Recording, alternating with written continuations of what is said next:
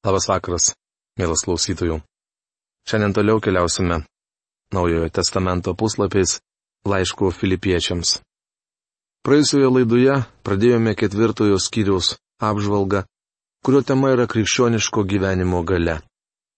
Apžvelgėme pastraipą Džiaugsmas yra galios šaltinis ir pradėjome, bet nebaigėme, o šiandien užbaigsime temos dalį Malda yra galios paslaptis. Prieš perskaitydamas mūsų nagrinėjamas eilutes, noriu paprašyti, kad Dievas padėtų mums šį vakarą. Dangiškasis Dieve, Tėve, mes dėkojame tau už tavo sūnų Jėzų, esantį tavo dešinėje aukštybėse, ir dėkojame už dvasę, kurią tu paženklini kiekvieną tikintį tavimi per jį. Aš dėkoju tau, kad tavo dvasia viešpatė gali nukeliauti ir atnešti mums visą reikalingą žinojimą iš tavo išminties lobino ir padėti mums pritaikyti tą žodį savo gyvenime. Aš dėkoju tau, dangaus Dieve, kad šį vakarą mes galime praleisti laiką prie tavo kojų. Padėk mums suprasti tai, ką esi paruošęs. Jėzaus vardu. Amen. Taigi malda galios paslaptis.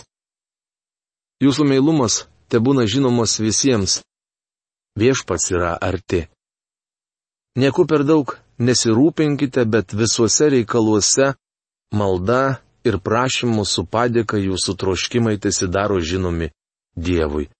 Rašoma Filipiečiams laiško ketvirtos skyriaus penktoje šeštoje eilutėse. Galbūt manote, jog deduosi labai pamaldžiu sakydamas, kad maldoje atnešu savo naštas viešpačiui.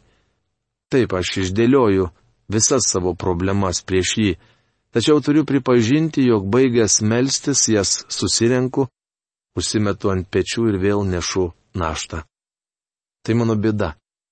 Viešpats nori, kad mes pasitikėtume juo, nieku per daug nesirūpindami ir dėl visko melzdamiesi.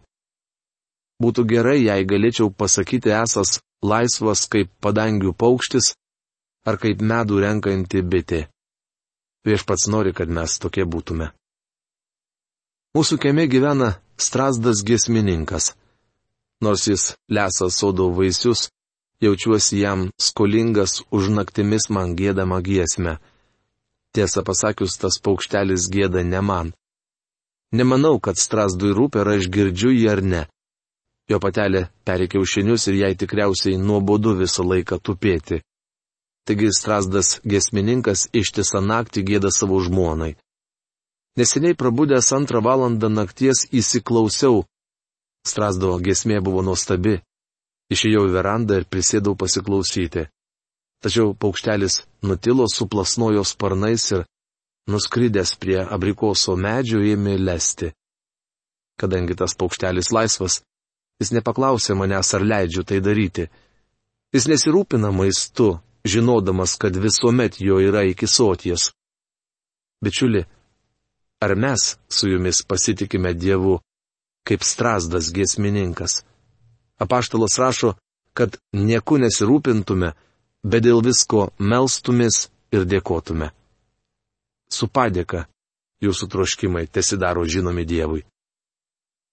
Paulius niekuomet neapibūdina tikėjimo kaip šuolio į tamsą.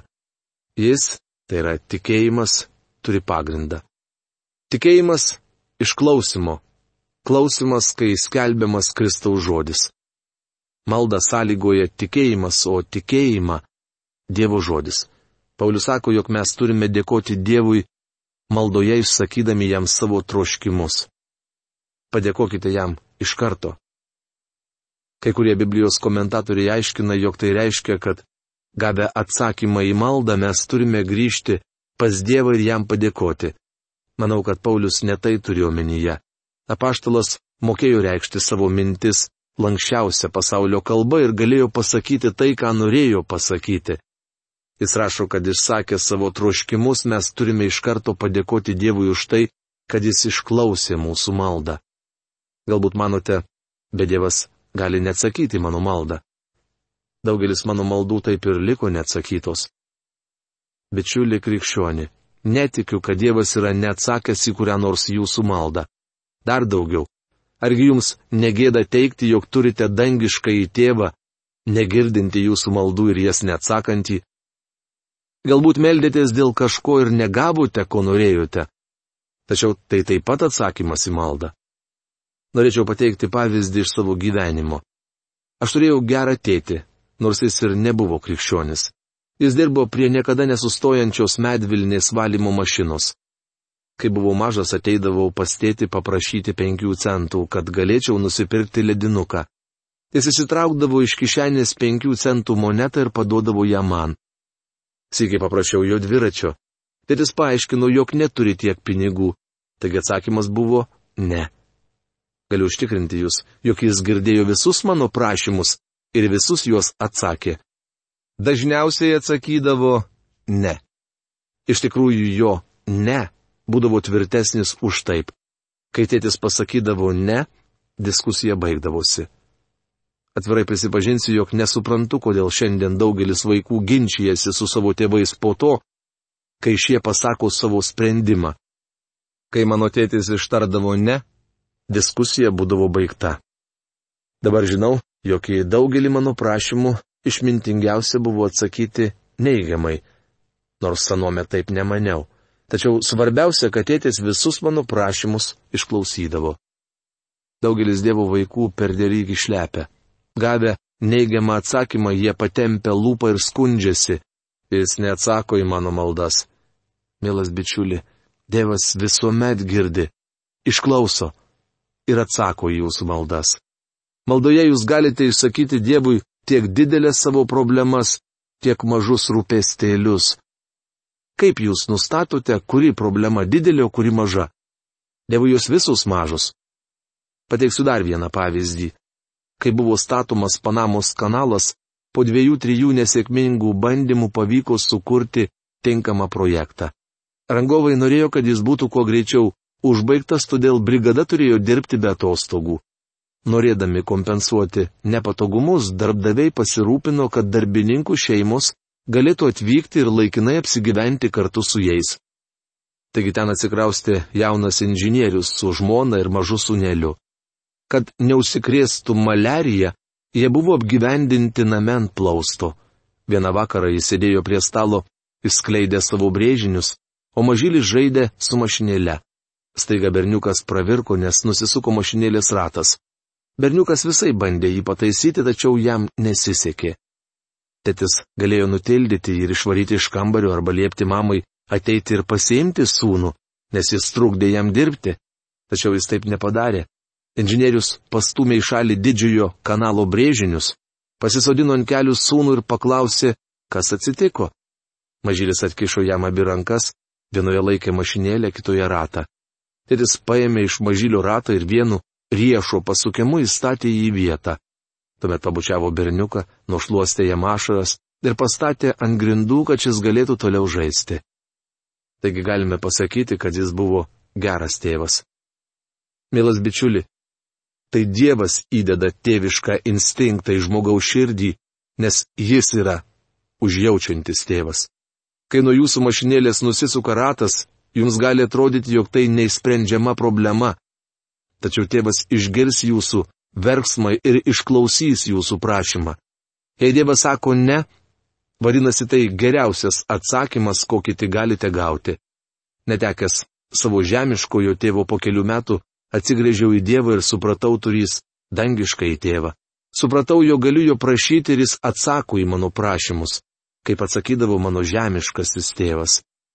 Dažnai jo, tai yra Dievo, kaip ir mano žemiško tėvo atsakymas būna neigiamas.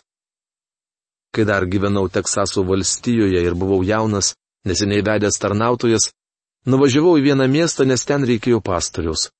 Tai buvo strateginės svarbos parodomoji bažnyčia. Sekmadienį aš pasakiau joje du pamokslus ir bažnyčia sutiko, kad būčiau jų pastoriumi. Tačiau vėliau man buvo pranešta, jog denominacijos vadovai neleido jiems manęs priimti. Kaip jau minėjau, tai buvo strateginės svarbos bažnyčia ir jiems reikėjo bažnyčios politiko, aš toks nebuvau. Žinojau, kad tarnautojas turi skelbti Dievo žodį ir vis dėlto galvojau, kad Dievas labai suklydo, neleisdamas man tapti tos bažnyčios pastoriumi.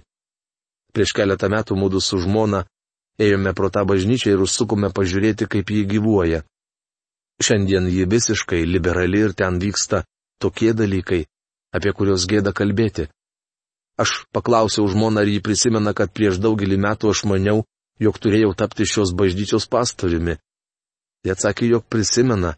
Tuomet tariau, esu dėkingas Dievui, kad jis išgirdo mano maldą ir atsakė į ją tinkamai, o ne taip, kaip aš norėjau. Prisimenu tas dienas, kai šaukiausi viešpaties. Sakiau jam, kad jis nuvylė mane ir neleido pasinaudoti geriausią galimybę. Aš kaltinau viešpatį ir net plūdau jį galvodamas, kad jis nežino, kas man geriausia. Viešpats užtrenkė prieš nosį duris ir nuo to trenksmo man dar keletą metų spengė ausyse. Bičiuli, dangiškasis tėvas atsakė į mano maldą ir man gėda dėl to, kad tuomet nedėkoja už tai. Norėčiau patarti, kad užuot skundęsi, jog Dievas neatsako į jūsų maldas, sakykite, mano dangiškasis tėvas išklausė mano maldą, bet atsakė ne, ir tai geriausias atsakymas. Mes turime išsakyti savo troškimus Dievui su padėka ir Dievo ramybė pranokstanti bet kokį supratimą, sergės jūsų širdis ir mintis Kristuje Jėzuje. Filipiečiams laiško ketvirtos skyriaus septinta eilutė. Šventajame rašte vartojamas žodis ramybė turi kelias reikšmės. Žinome, jog vieną dieną pasaulyje įsiviešpataus taika ir ramybė. Ja atneš ramybės kunigaikštis Kristus. Įtikinčiųjų gyvenimą ramybė ateina per nuodėmių atleidimą. Laiške romiečiams penktos kiriaus pirmoje eilutėje Paulius rašo. Nuteisinti tikėjimu, gyvename taikoje su Dievu per mūsų viešpati Jėzų Kristų.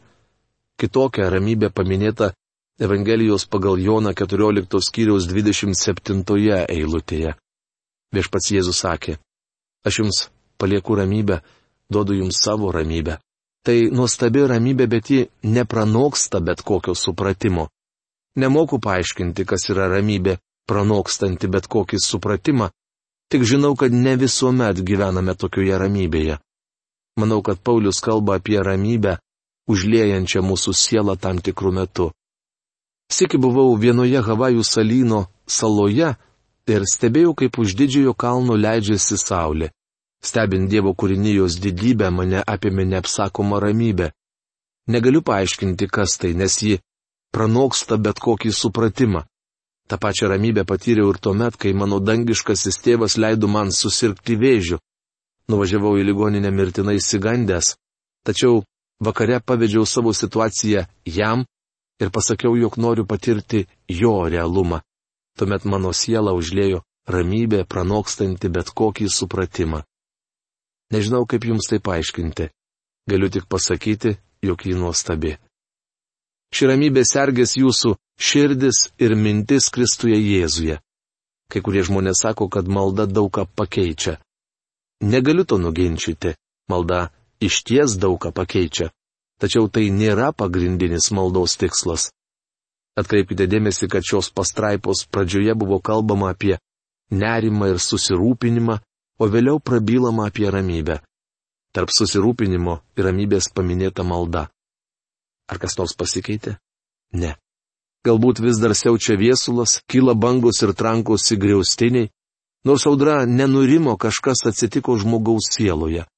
Kai mus apima nerimas, norime, kad Dievas pakeistų aplinkybės. Tuomet maldoje nurodinėjame jam, daug mums to ir ano, neleisk, kad tai vyktų, atverk šias duris. Iš tikrųjų turėtume prašyti vieno. Dieve pakeisk mane. Dar kartą pakartosiu, kad džiaugsmas yra galio šaltinis, o malda yra galios paslaptis. Atėję su nerimu širdyje galime išeiti ramus. Mąstymas apie Kristų - galybės šventovė. Pagaliau, broliai, mąstykite apie tai, kas teisinga, garbinga, teisų, tyra, mylėtina, giriama, apie visą, kas dorybinga ir šlovinga. Filipiečiams laiško ketvirtos skyriaus aštunta eilutė. Tikriausiai prisimenate, kad trečios skyriaus pradžioje, kai šis laiškas buvo dar tik įpusėtas, Paulius rašė, o šiaip jau mano broliai, Dabar apaštalas iš tikrųjų artėja prie pabaigos ir žodžiais pagaliau broliai išsako paskutinius savo paraginimus. Manoma, kad šioje eilutėje užrašyta trumpiausia Kristaus biografija. Mąstydami apie tai, kas teisinga, garbinga, teisų, tyra, mylėtina, giriama, apie visą, kas dorybinga ir šlovinga, neišvengiamai mąstysime apie Kristų, nes jis yra kelias, tiesa ir gyvenimas. Ne vienas žmogus negali prilygti Kristui teisumu ir garbingumu, nes, kaip raštas rašo, visi nusidėjo ir stokoja Dievo garbės. Tik viešpats Jėzus buvo vienintelis tyras žmogus gyvenęs šioje žemėje. Kai jis klausė, kas iš jūsų gali įrodyti mane nusidėjus, niekas to padaryti negalėjo. Evangelijos pagal Joną 14 skyriaus 30 eilutėje užrašyti jo žodžiai. Ateina šio pasaulio kunigaikštis, nors jis neturi man galios. Šedonas visuomet randa, kaip patraukti mano dėmesį. Tikriausiai tą patį apie save galite pasakyti ir jūs. Tačiau jis neturėjo jokios galios viešpačių Jėzui. Laiško Hebrajams 7 skyriaus 26 eilutėje parašyta, kad Jėzus buvo šventas, nekaltas, tyras, atskirtas nuo nusidėjėlių. Jis buvo narsus, nepabijojęs prisimti mūsų žmogiškumo, todėl šiandien turi būti giriamas ir šlovinamas. Mes su jumis gyvename purviname pasaulyje. Pasivaikščiojęs miesto gatvėmis negalite išlikti švarus. Mūsų protas ir akis susiteršia. Ar jums niekada neįgrysta šio pasaulio purvas? Holivudas jau seniai įsisėmė ir pristigo naujų idėjų. Televizijos programos darosi vis nuobodesnės, nes ėmė rodyti visokias bjaurybės ir nešvankybės. Kažkas televiziją yra pavadinęs dykvietę. Milijonai žmonių netitraukia akių nuo televizorių, nors tai tas pats, kad žiūrėti į nederlingus dykumos plotus. Žmonių protai it kempinės sugeria rodomą amoralumą, nešvankybės ir smurtą. Jei krikščionis neatsiribos nuo šio pasaulio purvo, nešvankybių ir abejotinų pramogų, jo gyvenimas bus begalius. Šiandien daugelis krikščionių silpni, nes visą savaitę dedasi į savo protą ir širdį tai, ką siūlo šis pasaulis. Nenostabu, kad jų gyvenime nėra galios. Mums reikalinga šventovė. Turime mąstyti apie tai, kas apvalytų mūsų mintis. Pagalvokite, kiek laiko praleidžiate studijuodamas Dievo žodį. Kiek laiko praleidžiate mąstydamas apie Kristų. Mes visi, atidengtų veidų viešpatie šlovę atspindėdami, daromės panašus į jo atvaizdą ir viešpatės dvasios veikimu vis didėja mūsų garbingumas. Rašoma antrame laiške korintiečiams trečiame skyriuje 18 eilutėje. Dievo žodis yra veidrodis, kuriame mes regime viešpatie šlovę. Gyvai Kristų galite išvysti tik Dievo žodyje. Kai žiūrime į jį, jis išlaisvina mus ir augina. Kito būdo nėra. Dažnai tikinčiųjų gyvenimas būna vaikiškas ir nenuoseklus. Stebėtina, kaip lengvai įvairūs mokymų vėjai nubloškia krikščionis į šalį. Jie neįstengia atskirti tiesos nuo klaidingo mokslo. Mano nuomonė iš dalies taip yra dėl Dievo žodžio neišmanimo. Kad mūsų gyvenimai būtų kupini galius, turime mąstyti apie Jėzų Kristų, kuris apreikštas Dievo žodėje. Dažnai žmonės ateina į bažnyčią norėdami prasiblaškyti, arba, kaip kažkas yra pasakęs, pasirodyti, į kitus pažiūrėti ir pamiegoti. Kai kurie sėdi visą valandą kaip pritrenkti pamaldų salėje tik dėl to, kad atrodytų pamaldus ir religingi. Bičiuli, tik Dievo žodis gali suteikti jums galius. Kai nusilpstate, jums reikia pavalgyti. Turite užkasti duonos ir mėsos, kad atgautumėte jėgas. Dievo žodis yra jūsų dvasinė duona ir mėsa. Tik skaitydami ir studijuodami Dievo žodį galite aukti dvasiškai, nes žodyje apreikštas Jėzus Kristus. Mano įsitikinimu apie jį kalbama kiekviename Biblijos puslapyje. tik mes dažnai to nepastebime. Mums reikia žiūrėti Kristų. Reikia patirti jo realumą savo gyvenime. Tai įmanoma tik tuo met, kai atidengtų veidų žvelgiame į viešpaties šlovę. Įtariu, kad Kristaus pasirodymo metu dėl šventojo rašto neišmanimo daugelis tikinčiųjų bus sugėdinti. Manau, kai stovėsime savo viešpaties akivaizdoje, jis tars daugeliu iš mūsų. Aš užrašiau šventajame rašte viską, ką tau reikėjo žinoti. Tačiau tu manęs nesiklausai. Nenorėjai išgirsti, ką sakiau. Mes kalbame, jog mūsų vaikų bėda ta, kad jie neklauso savo tėvų. Dievo vaikų bėda ta, kad jie neklauso savo dangiškojo tėvo. Mąstymas apie Kristų yra galios šventovė. Daugelį iš mūsų dėrėtų palikti šio pasaulio reikalus ir purvą ir su Dievo žodžiu rankose pasitraukti į sielo šventovę, įdant galėtume mąstyti apie Kristų, garbinti jį liaupsinti ir girti. Darykite, ką tik iš manęs išmokote, ką gavote, ką girdėjote ir matėte manyje, ir ramybės Dievas bus su jumis. Filipiečiams laiško ketvirtos kiriaus devinta eilutė. Žodį darykite geriau būtų versti praktikuokite. Paulius galėjo pasakyti tai, ką mums sakyti būtų įžulu. Jis ragino filipiečius darykite, ką darau aš. Žinote, nenorėčiau, kad mažasis anūkas sektų mano pėdomis. Nenorėčiau, kad jis vadovautųsi senelio pavyzdžių. Tačiau Paulius galėjo raginti kitus tikinčiuosius imti pavyzdį iš jo. Šis vyras gyveno galios šventovėje, nes Kristus buvo ne tik jo gyvenimo centras, bet ir periferija. Mielas klausytojų, O kaip yra su jumis? Ar Kristus yra jūsų gyvenimo centras? Šventasis raštas rašo, ir mes tik girdėjome, kad tikėjimas iš klausimo, klausimas, kai yra skelbiamas Dievo žodis. Aš noriu paklausti jūsų, o jūs paklauskite savęs. Ar jūs lankote Bibliją tikinčią bažnyčią, kur galite gauti maisto, būti nuvesti prie gyvųjų vandenų į žalias lankas, kaip prašoma 23 psalmėje. Jeigu viso šito jūsų gyvenime nėra, jeigu jūs neturite atsakymo į klausimą, kur jūs praleisite amžinybę, kas dažnai būna su tariamais tikinčiaisiais. Melasis, jūs nieko nežinote ir jūsų gyvenimas yra apgailėtinas. Bet Dievas tai pamilo pasaulį, kad atidavė savo vienagimį sūnų, kad kiekvienas, kuris jį tiki, nepražūtų, bet turėtų amžiną į gyvenimą.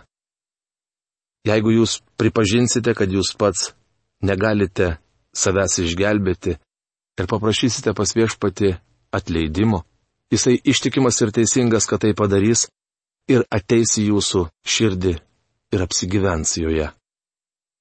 O šiandien savo laidą baigiame.